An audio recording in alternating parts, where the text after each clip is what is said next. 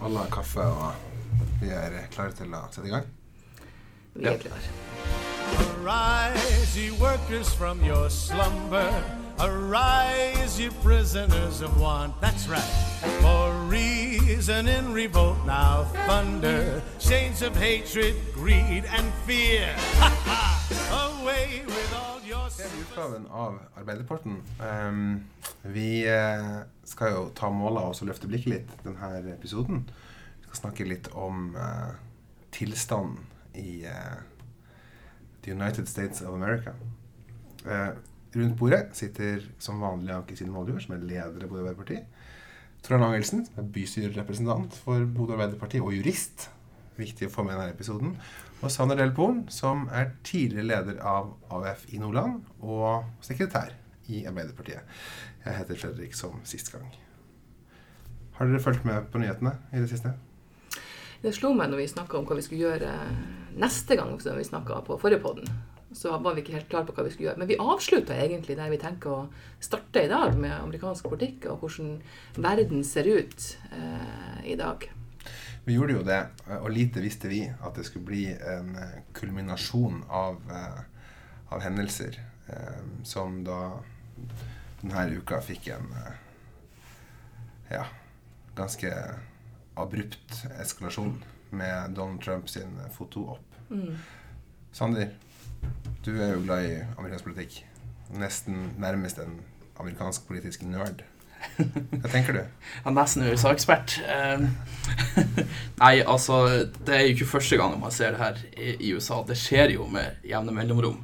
De her type eh, unødvendig bruk av politivold og at de demonstrasjonene som påfølger. Eh, og jeg tror ikke det her er siste gang eh, vi kommer til å se det heller. Det jeg syns er spesielt, er jo at denne gangen har vi jo en president som velger å eskalere enn istedenfor å deeskalere det som, det som skjer. Og det ja, det gjør meg egentlig litt sånn trist og bekymra over, eh, over, USA, som er et land jeg er veldig, veldig glad i og følger med mye på, på hva som skjer. Men syns du det er overraskende at han velger å, å eskalere, eller tenkte du at det var som forventa? Jeg tenker, Det var jo som, det var jo som forventa. Altså, han har jo hele tida prøvd å fremstå som the law and order president, som han sier sjøl. Eh, sånn at det er jo ikke overraskende. Det har han jo sagt hele tida, at dette er hans måte å løse ting på. Problemet er jo hva, hva gjør man når eskaleringa ikke fungerer? Skal man da eskalere enda litt mer, og så enda litt mer, og så dra til? Hva, så jeg veldig spent på hva blir neste, neste tiltak og neste move fra eh, Trump. Mm. Det han gjorde, var jo at han trua med å iverksette en lov fra 1807. Eh, Trørne, har du det? Inngående kunnskap om The Insurrection Act av 1807? Ja, nå er jeg jo nesten eldst i panelet, så jeg var vel til stede på vedtakelsen. Bare jeg ser det. eldre. og, og, og, kan uh, si mye. Nei, jeg må innrømme at uh, Posse Comitatus det, det, det, er litt sånn uh, vagt uh, for meg fra førsteåret på, på jusstudiet, så jeg kan lite om det. Men prinsippet om å ikke bruke militærmakt mot sivilbefolkninga er jo noe som står sterkt i, i all folkerett og som eh, stort sett bare skjer i én type regimer. Og det er jo diktaturer. Og vi ser eh, dessverre flere og flere tegn til at Trump drar landet i den retning. Og, og det er særdeles bekymringsfullt, siden det er våre eh, fremste og sterkeste allierte vi snakker om. Mm. Og som, som Sander sa, det er jo et land som vi alle er veldig glad i. Vi føler at vi kjenner dette landet. Vi har tross alt vært på kino alle sammen og, og, og, sett veldig mye fra eh, det her landet. Noen har også reist og, og opplevd det førstehånd. Og, og det som har skjedd nå, eh, den her eh, nedadgående spiralen, den er ganske tung for oss å se. Og jeg vet ikke hvordan vi skal komme oss ut av den, men det, men det er ille. Men Hvis vi da skulle sammenligne USA med et land i dag, da, hvis, hvis, vi tenker oss at det beveger seg i diktatorisk retning, hva vil være et sånn relevant, sammenlignbart land i dag? Jeg tenker umiddelbart Brasil. Jeg er jo på tur dit med, med Bolsonaro, mm. eh, presidenten. Eh, det sitter jo også en tulling i Jakarta eh, som nok er enda mer ekstrem. Men du ser jo antydningene med NFLE. Nå, er det jo heldigvis sånn at man må jo kunne stole på at eh, maktbegrensningsprinsippene i USA kommer til å fungere. Men jeg begynner å bli usikker. Det er vel det de dessverre ikke gjør, og det har vi sett gjennom ikke bare denne perioden og, og under Trump, det har vi sett før. Men til Ann-Kristin sitt spørsmål om hva skal vi sammenligne det med, jeg er ikke så sikker på at vi er så veldig langt unna Russland etter hvert. Det er faktisk den veien det går. Hvor uh, der sitter en eneveldig hersker uh, på toppen og som ikke bare utøver daglig politikk, men han skriver også lovene, og han styrer informasjonsflyten i samfunnet på en helt ekstrem måte. Og eh, det, det er jo det som er drømmen til Trump. Det er jo å få lov til å styre informasjon. Ikke sant? Eh, det er jo sånn at det å bruke Det er jo vel nasjonalgarden det er først og fremst jeg snakker om, og så sekundært militære styrker. Eh, så vidt jeg kan se, så har det skjedd eh, to, to tilfeller eh, i nær historie. Den som ligger nærmest, er eh, Johnson med de voldsomme Vietnam-protestene. Eh, og eh, den som ligger lengst unna, er når Eisenhower setter inn nasjonalgarden for å sikre at svarte amerikanere får innpass på skoler etter at de har desegregert eh, skolevesenet. Eh, jeg finner jo Det er en ganske Det er ganske absurd. Altså Eisenhower bruker den samme regelen for å tvinge gjennom en desegregering. Donald Trump ser ut til å bruke regelen for nettopp for å segregere. Eh, hva, hva faen har skjedd med USA? Ja, altså jeg tror jo at eh, altså denne type ting har jo alltid vært eh, underliggende i, i amerikansk historie. For man har jo vært lite villig til å ta et oppgjør egentlig med den historien man har rundt afroamerikanerne tidligere. Sånn at, og jeg tror jo at det er systemfeil eh, det går på. Eh, spesielt med hvordan politiet forholder seg til, til minoriteter. Så jeg vet ikke, jeg tror USA kanskje ikke har endra retning eh, så veldig. Jeg tror bare det er mye som kommer frem nå. Men det er jo kanskje da også det et, et håp for forandring, når de her tingene kommer opp. Så forhåpentligvis har jo Trump under ett år igjen å styre, styre landet. I verste fall har han fire og et halvt. Så jeg enser jo også håp i det her. At folk tar til gaten. Tenk du da at vi, at vi aldri, eller ikke vi, eller de, da, aldri tok et ordentlig oppgjør med slavetida? Er er vi der? Eh, altså, Slaveriet endte jo ikke fordi at noen sang 'Kumbaya' lenge nok. liksom. Det var fordi at det, det var opprør og revolusjon og, og, krig og vold som på et vis endra, eh, slaveriet og tok det i, i en ny retning.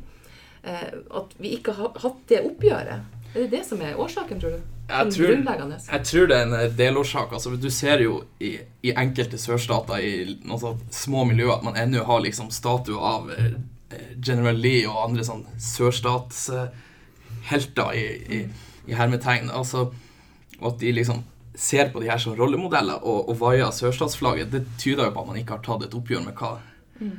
er denne symbolikken egentlig.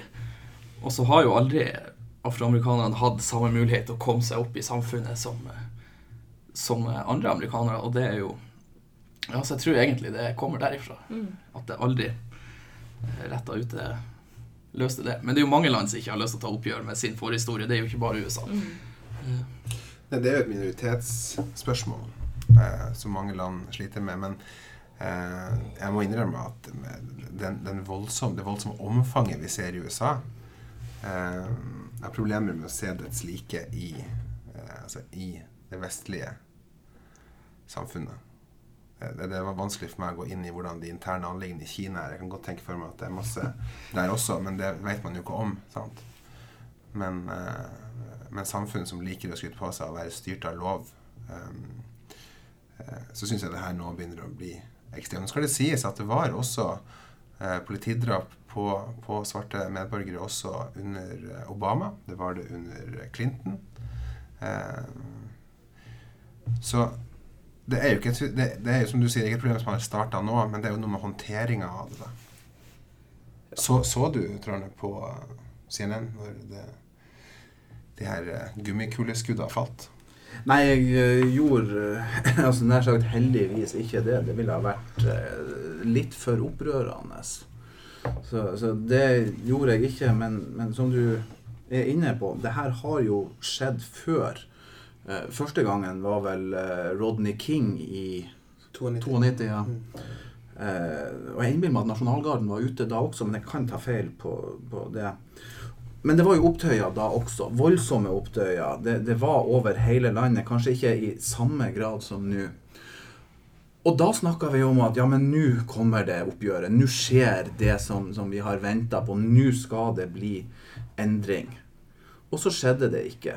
Og så hadde vi tilfeller under eh, både Clinton og Bush, og ikke minst under Obama. Vi hadde vel en tre-fire sånne store, kjente saker, pluss de, de daglige drapene på eh, afroamerikanske borgere som eh, ikke engang Obama klarte å få grep om.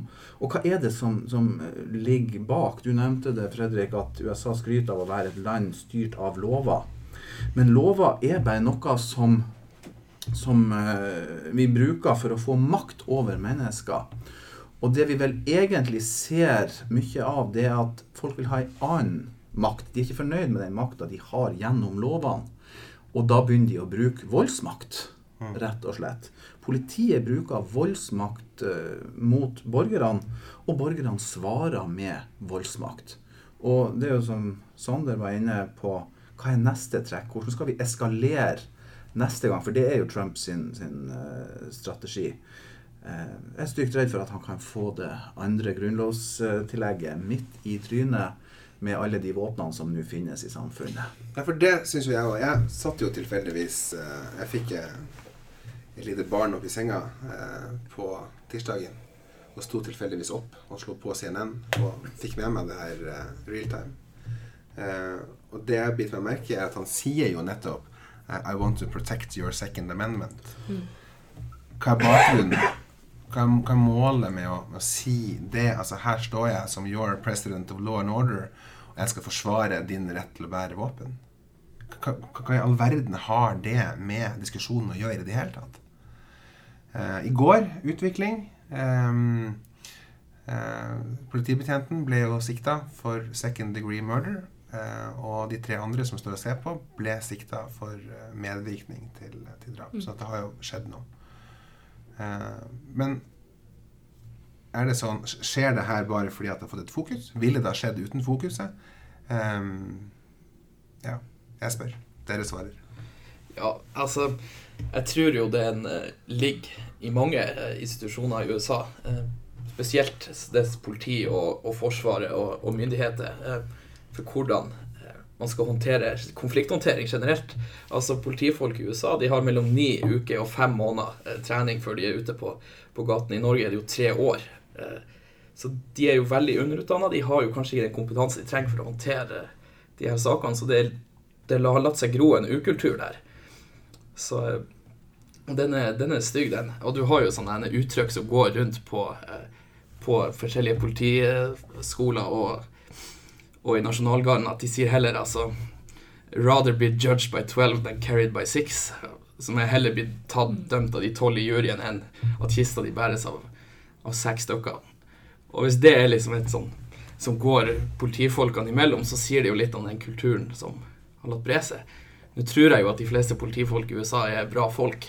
Eh, men der er noe Der er noe sånn galt med systemet for hvordan ja, Men det tror jeg hele poenget. Det er jo systemet det er noe feil med. Mm. Det er ikke nødvendigvis folkene. Folkene har ikke fått den opplæringa som de egentlig har behov for for å skulle kunne gjøre den jobben de, de er satt til å gjøre. Og det er klart, når, da, hva det var um, 120 våpen per 100 personer eller sånt, men jeg så på Dagsnytt her om dagen. Eh, så det er jo ufattelig mengde våpen i omløp eh, blant befolkninga. Og jeg skjønner jo kanskje at man, man eh, kan bli litt ygg som politifolk òg, når man vet at det er så mye våpen ute, at du på et vis får litt det her skyt først og spør etterpå. Eh, så det, jeg tror det, er, det må jo være vanskelig. Eh, Men jeg tror jo at pga. at vi har et annet system og vi har et annet utdanningsnivå, så tror jeg kanskje at den situasjonen som vi ser i USA, er vanskelig å se for seg her hjemme. Ja, til sammenligning. Det er like mange våpen per person i Canada.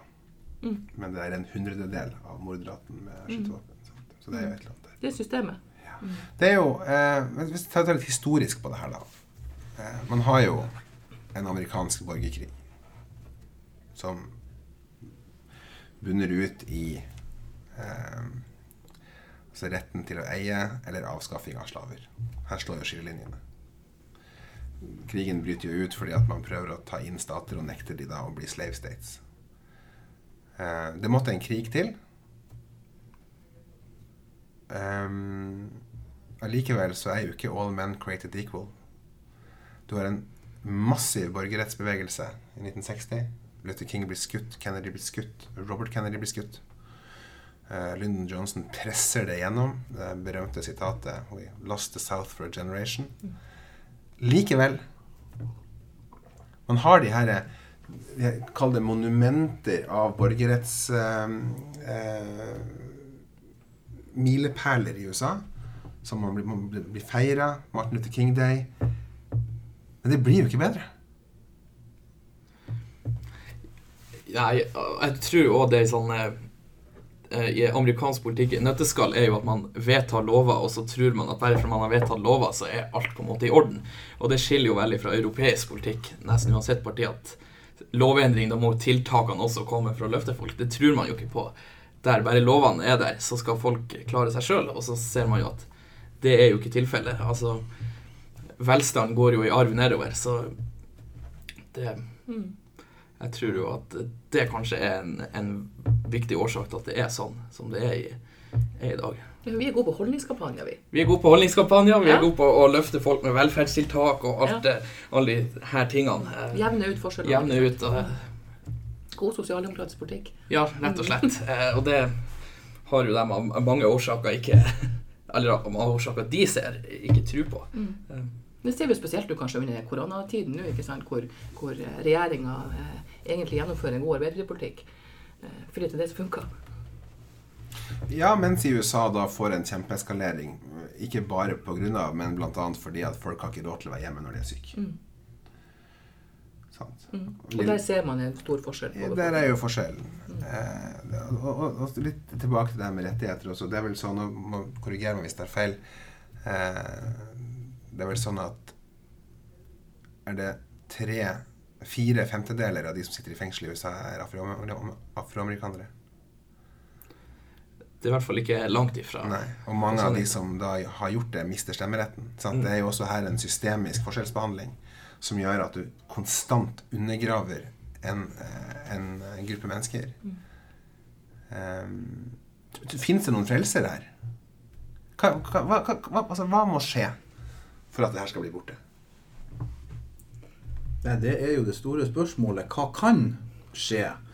Eh, fordi at den, den amerikanske eh, rasismen eh, har nok mer å gjøre med eh, historien og, og slavetida enn den eh, europeiske rasismen. Vi har ikke den slavehistorien her. Og desto lengre tid det går fra vi fikk avskaffa slaveriet og til vi får gjort noe med de holdningene som har sittet i dette samfunnet, desto fjernere blir de som, som i realiteten har tjent på slaveriet, den hvite mellom og ikke minst overklassen, desto fjernere blir deres opplevde ansvar for det her.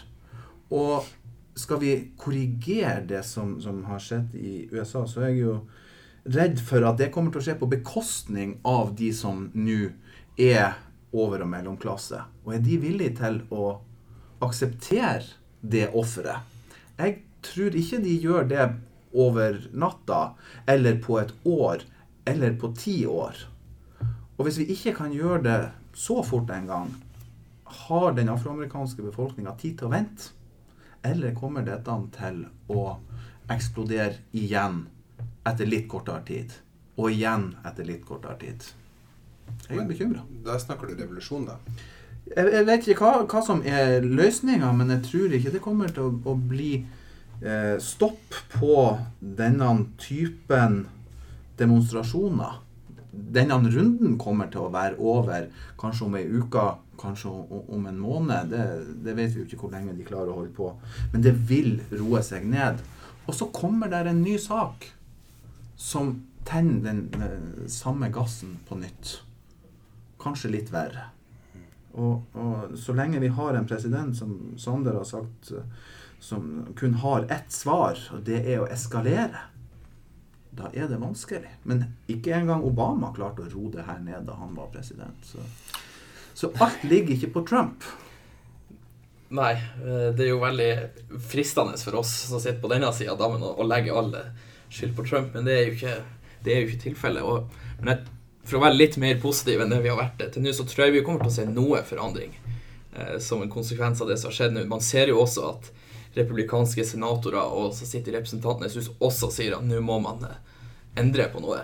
Eh, akkurat det her med pol politiet isolert sett, men jeg tror ikke det blir noe sånn at dette er bevegelsen som gjør at afroamerikanere og hvite amerikanere blir helt likestilt. Det tror jeg ikke, men jeg tror vi ser eh, kommer til å se bedring. Samtidig som, som opptøyene vedvarer i USA nå, så, så kommer det også rapporter om at det kommer motdemonstrasjoner.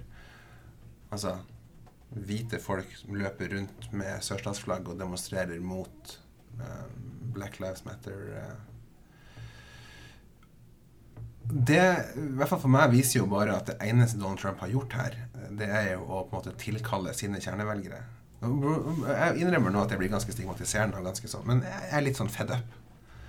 Jeg var, eh, relativt die hard eh, Hillary Clinton-fan for fire år siden. Akkurat det her var jeg redd for, og ser at jeg fikk rett. Eh, og, og da mener jeg ikke det at, at Donald Trump har tatt livet av George Floyd. Det hadde nok kunnet skjedd uansett. Men det er jo tilsvaret. Det er måten det behandles på, det er måten det kommuniseres på, og det er den forferdelige eh, fotoåpen, fotoseansen, som fant sted eh, natt til onsdag. Jeg finner ikke ord. Han, han evner jo ikke å holde Bibelen rett vei engang. Det er et godt poeng. Eh, ja, så blir det også litt sånn flåsete. For jeg, men jeg, jeg litt sånn adrenalin, adrenal, adrenalinsint. Et, et annet poeng er jo eh, Ja, nå må kanskje vi andre våkne. Vi var ekstremt høylytte mot apartheid i Sør-Afrika. Og så holdt vi oss for nesa, og så handla vi med USA under eh, hele eh, segregasjonstida, og også på 80-tallet, når det var voldsomme raseopprør. Det er kanskje på tide å si fra. Det, det her går jo ikke an. Man kan ikke behandle mennesker altså, eh, Det her ble en monolog, kjenner jeg. Men, men, men, men, men, men det er jo utgangspunktet skulle jeg tro at du kommer unna med i 2020 å behandle mennesker forskjellig på bakgrunn av hudfarge. Det er en ganske grotesk eh, mening. Det har du helt rett i. Men samtidig så ser vi jo, jeg tror jo, altså det som vil si at, at eh, dette, altså dette kunne ha skjedd uavhengig av hvem som er president. Eh, handlingene til presidenten likevel er eh, avskyelig, den måten han, han håndterer det på. Men likevel så tror jeg at, at skal man få til noen slags form for endring, så må du ha en systemendring. Det er jo der vi ligger.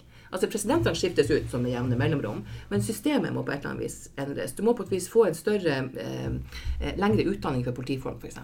Og samtidig ser du jo masse flotte politifolk. Du ser jo de her som, som eh, stiller seg side om side med demonstrantene og, og, og og kneler sammen med dem på et vis, ikke sant, i respekt av hverandre. Så får vi sånne bilder også. Så det er jo veldig sånn sammensatt, dette. Og så må vi på et vis prøve å dra ut det som, det som har betydning. Og jeg tenker at vi som sosialdemokratisk stat eh, må gå foran og vise vei og, og, og protestere høylytt eh, mot det som foregår nå. Akkurat som vi gjør i, i andre deler av, av verden. Tror det, eh, hvilken effekt tror du det som har skjedd disse dagene, har på resultatet i november? Nei, det er veldig vanskelig å spå, fordi at eh, Trump har en måte å kommunisere med velgerne på som gjør at han når akkurat nok eh, velgere som, som er eh, truende til å støtte han, hvis han bare klarer å skape nok fiendebilde av motparten. Og Det var jo det som skjedde i 2016. Han skapte noen fiendebilder av hva demokratene kom til å gjøre mot hvite middelklasseamerikanere. Sånn at de ble skremt til å stemme, ikke nødvendigvis for Trump, men mot Hillary. Og da tilbake til det som jeg var inne på i sted. Er den eh, hvite middel- og overklassen villig til å ta det offeret det er å rette opp i systemfeilene?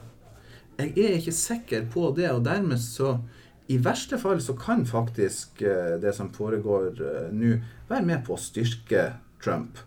Samtidig så har jo demokratene en uh, presumptive nominee som ingen har eh, stort sett sett på to måneder.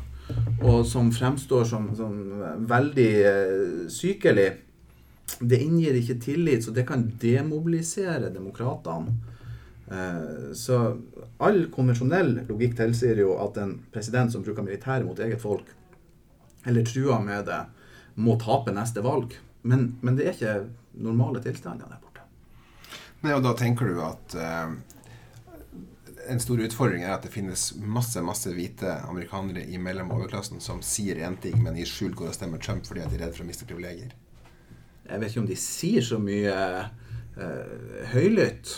De som snakker høylytt, de tror jeg nok stemmer demokratisk. Det er mer den der eh, stille majoriteten. Så Det- den som du ikke kommer i inngrep med, de du ikke får snakka med, men som får lov til å koke på sine egne eh, synspunkter i sine egne ekkokammer. Det er de som er, er problemet, i anførselstegn. Det skumle med det, hvis det er sant, det, det her med stille majoritet eller silent majority, det var jo det Nixon hvilte på under sin andre presidentvalgkamp, hvor han da feide banen med George McGovern. Eh, jeg ser ikke at det skjer nå. Nei, eh, nå tror Nå er jo kanskje jeg litt farga, for jeg er veldig glad i Joe Biden. Altså, jeg har, eh, har fulgt han eh, helt siden jeg var eh, ganske liten gutt, så har jeg vært eh, Fra i fjor, altså. Fra i fjor, altså. Nei. fra før han ble Litt, litt, visepresident. litt det- hersketeknikk der. Det var en, det var en stygg en. Nei, eh, jeg tror det blir tett eh, i november. Eh, Men det som jeg tror skiller dette fra andre opptøyer sånn som har vært i USA, er at de som har bodd i utkantene i de ene suburbs, har jo følt seg trygge, for de har jo ikke foregått der tidligere. Men nå kan man jo se video av at også folk som står og sitter på verandaen sin ute i, i utkantene, også blir skutt av gummikule. Og det er nytt. Eh, Så de føler jo kanskje ikke på den tryggheten de alltid har, eh, har følt på. Også republikanerne har jo alltid kjørt valgkamper på hvor lav er arbeidsledigheten akkurat nå. Det er liksom The economy is doing great. Men det går jo heller ikke så bra akkurat nå. Så det er jo nok å ta tak i for demokratene hvis de spiller denne valgkampen rett. Men det er jo spørsmålet ikke sant? Det er jo spørsmålet. Ja. hvor stygg tør de egentlig å være? Og jeg, jeg ser jo alle reklamene han Joe Biden legger, eller teamet hans legger ut, eh, og de er ganske mye hardere enn det Hillary Clinton eh, valgte å gå. Så jeg tror, eh, tror kanskje demokratene har lært oss å sette de hardt, hardt mot hardt nå. altså. Ja, for Hillary kjørte jo en sånn en sånn klassisk kampanje. ikke sant? Det er sånn Ordentlig og Ja. forklarende. og Litt sånn Arbeiderpartiet, vi har lange utredninger om ting. ikke sant? Litt sånn sånn statskvinne. budskap. Eh, og det er det Trump kanskje vant litt på. Så jeg er, litt, jeg er ikke så optimistisk som du, for å være helt ærlig. jeg tenker faktisk at uh, det kan faktisk hende at han uh, greier å vinne det her på nytt igjen. Og så vet vi jo også at i forrige runde så det å angripe Trump har, eh, med, med fakta, med eh, gode eh, og godt gjennomtenkte reklamer, eller bare bruke hans egne ord mot ham, har en tendens til å aktivere hans egne velgere mer enn det aktiverer demokratene sine. Helt sant. Det, er litt sånn vanskelig da å skal drive valgkamp når du ved å, å prøve å nå dine egne faktisk når motparten sine, fordi at de får en sånn, sånn eh, omsorgsfølelse for den herre stakkars milliardæren, hvis han er det, som, som er under angrep. Ja, det er jo helt rett. Og det så vi jo. Det beste eksempelet er jo eh, når kampanjen til Clinton eh, tok ordet 'deplorables' og Ja. stempla eh, velgerne til Trump som eh, mindreverdige. Det vekte jo en voldsom motreaksjon eh, og provoserte veldig mange. En klassisk eh, tabbe. Ja.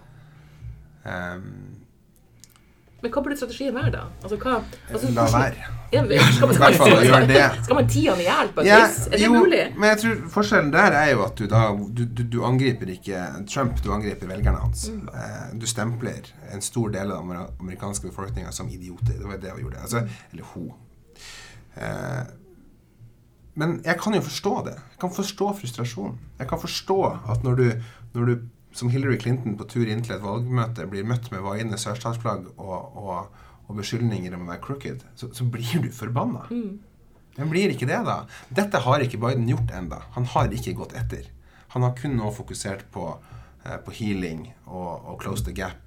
Han har jo stort sett sittet i kjelleren, da. Ja, men han, har vært, han er jo, mannen er jo snart 90. Han er, han er jo en voksen mann. Jeg tror han, tror Arne sa sykelig. eh, Jeg tror han er sykelig, han er bare, han han er, er bare veldig gammel.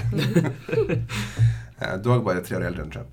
Um, ting som taler positivt, da. Jeg må jo også innrømme at jeg også er eh, Biden-fan. Jeg har en hang til de her moderate demokratiske statslederne som Hillary Clinton og Joe Biden. Em, han har jo også sagt at eh, han blir en one term president. Det tror jeg kan mobilisere mange. Eh, bakteppet til Clinton-Trump også var jo at Trump var et ut, uskrevet blad. Mange gambla på for å få noe nytt. Eh, hvis du ser på valgkampen 2016, så var det nok en Bush, det var nok en Clinton. Jeg tror amerikanere er ikke noe glad i dynastier. Skulle du hatt en tredje Bush-president, da er man over på monarki. Sant? Litt av det samme med Kennedyene, som godt kunne ha prøvd. Um, jeg tror demokratene er kanskje mer samla nå denne gangen enn de var sist. Hvis det skulle være sånn igjen at uh, de unge velgerne som, som nekta å stemme på Hillary eh, fordi at de var Bernie-supporters, sitter på, på gjerdet denne gangen også, da får de faktisk skylde seg sjøl. Det går ikke an nå å gjøre det, mener jeg. Eh, men det er jo det som også Knallhardt. Det er knallhardt, men jeg er helt enig i det. Altså, for republikanerne har jo alltid hatt en ufattelig god evne til å samle seg når de har vært kandidat. De har jo alltid vært et parti som spriker i store retninger. Altså Før Reagan så var det jo litt liberal på i abortspørsmål. Det eneste som var viktig for dem, var at budsjettet gikk i balanse, og budsjettet var lite. Eh, Men så kom Reagan, og da snudde de på flisa. Alle var enige om ny kurs. eh, Og de som ikke var det, de ble stempla som idioter og kasta ut. Og det samme skjedde jo med Trump. Altså De som var heltene i det republikanske partiet, sånn McCain og Mitt Romney og sånn, de ble jo stempla som idioter på noen få uker, og så var de på en måte vosja ut av, eh, ut av partiet. Den samme evnen har ikke demokratene hatt, altså. De har liksom gnudd og gnudd på de her eh, uenighetene de har internt, og ikke klart å, å samle seg rundt eh, en kandidat. Og det, de er nødt til å lære seg egentlig å være litt republikanere, altså. Bare klare å Det kunne, Svelge. ja, det kunne jo se ut som at de, at de De hadde jo både en rebranding av partiet eh, under Obama også, fresha det opp. Men samtidig, det er de samme gamle folkene. Det er Nancy Pelosi, sant? det er Joe Biden. Det sitter noen Clintons i skyggen der. Når, når, når ikke Pelosi er jo fin, da. Hun liker jeg. Ja, men hun er samtidig 90 år. Ja, ja, hun også. Eh, sant? Sånn at eh, det må skje noe. Når det fresheste eh, er Bernie Sanders, som da er 78 sant? Det, det, er et tegn.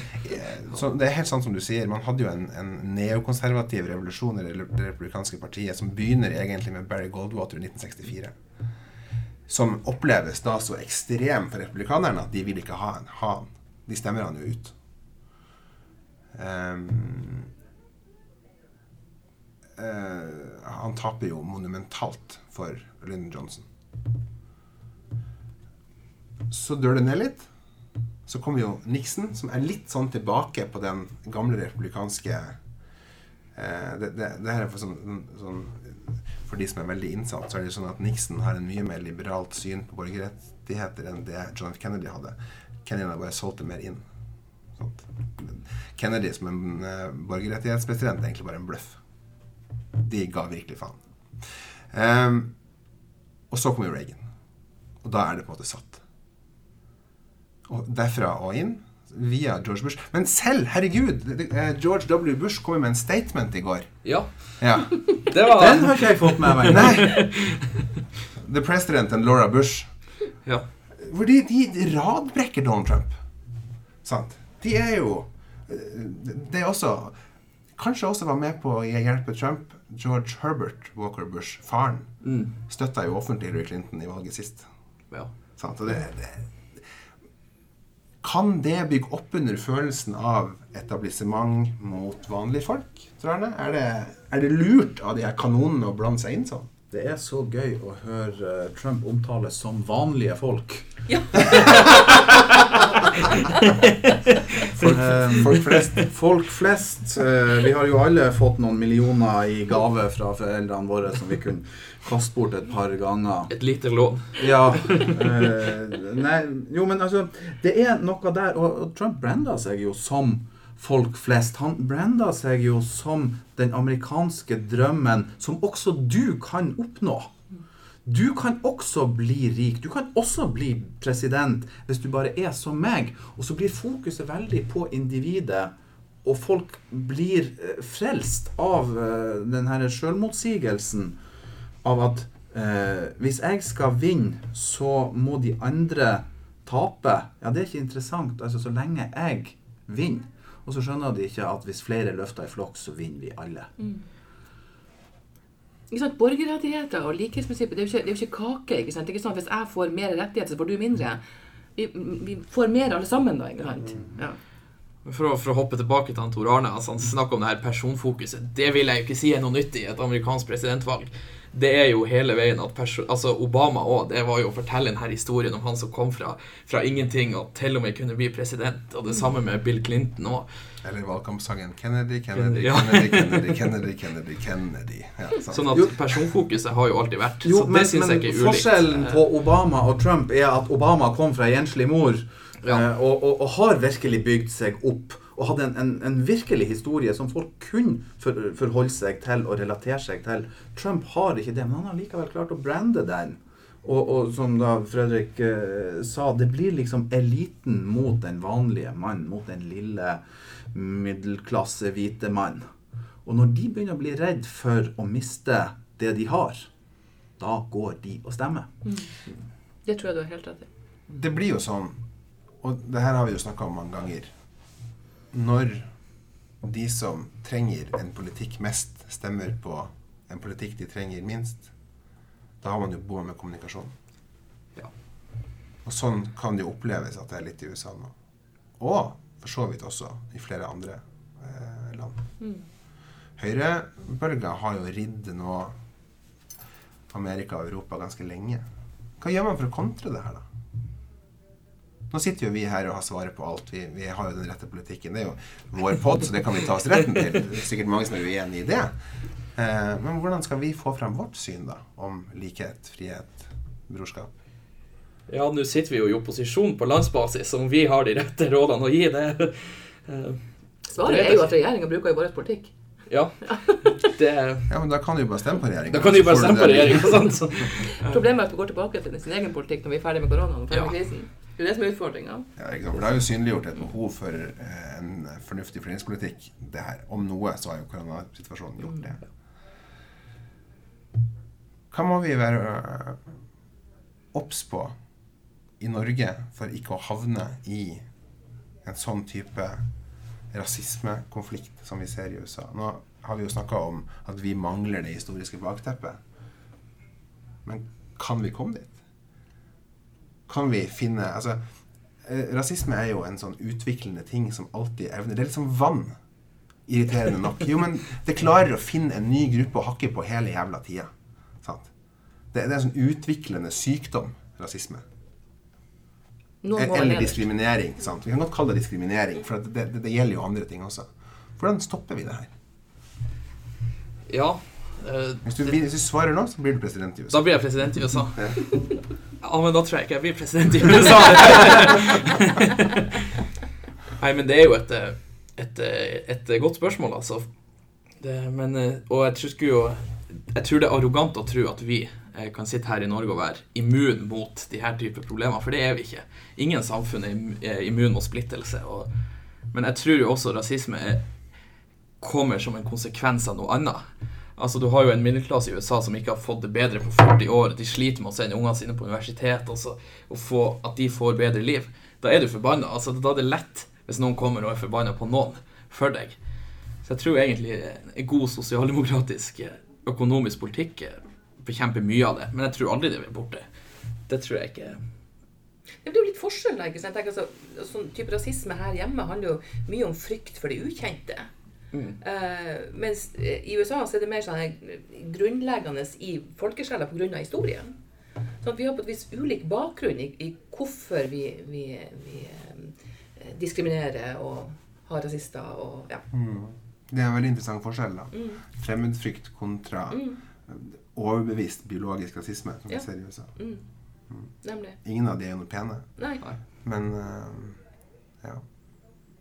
Men vi har den i, i Norge også. Vi, vi ser eh, at eh, ungdommer på Oslo øst føler seg forfulgt av politiet langt mer enn ungdommer på Oslo vest, f.eks. Eh, det er et kjempeproblem.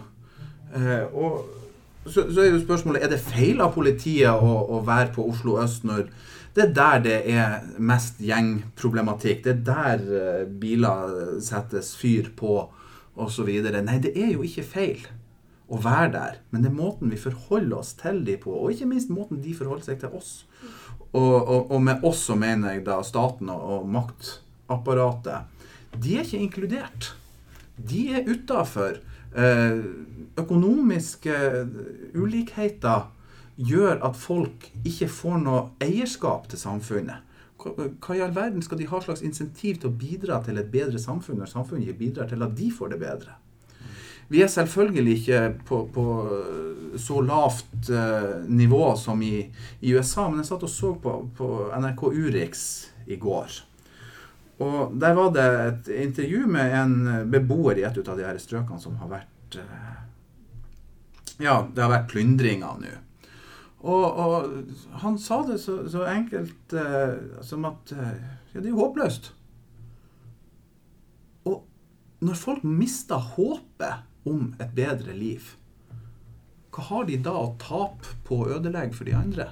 Vi må jo gi dem en grunn til å tro på et bedre liv. Og det er jo det vi gjør i Norge etter den, den nordiske modellen. Vi gir jo folk et håp, og ikke minst vi gir dem en reell mulighet til å komme seg opp.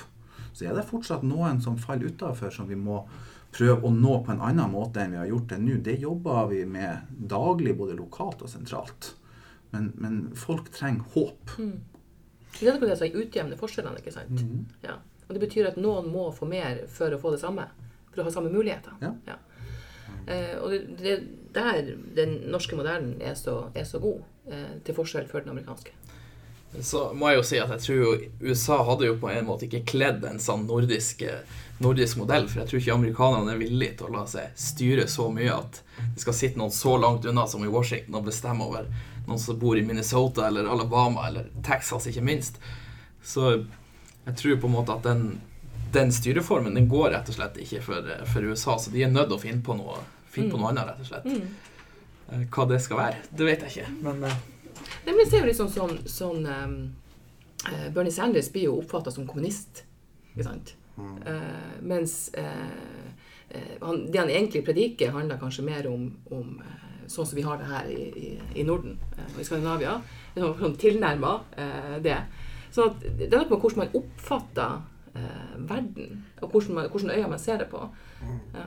Og, og, her er vi inne i en kjempespennende diskusjon på hva som har skjedd i USA. fordi at uh, dette oppstår jo også i kjølvannet av den neokonservative vekkelsen med Goldwater, Reagan, mm.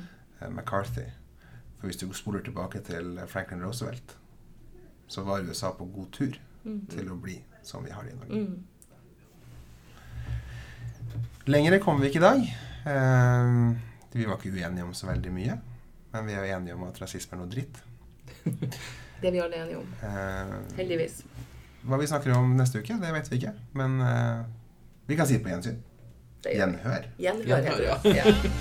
Survive masses, arise, arise. We'll change henceforth the old tradition and spurn the dust to win the prize. So, comrades, come on and rally. Then the last fight, let us face. The International unites the whole darn human race. So, comrades, come on, let's go rally. And the last fight, let us face the international unites the whole darn human race. No more deluded by reaction. On tyrants only we'll make war. The soldiers too will take strike action. They'll break ranks and fight no more. And if those cannibals keep trying to sacrifice us to their pride, each at the forge must do their duty, and we'll strike while the iron is hot. So, comrades, come on, let's go rally. And the last fight, let us face. The international unites the whole beautiful human race. So, comrades, come on, let's go rally. Ha! And the last fight, let us face. The international unites the whole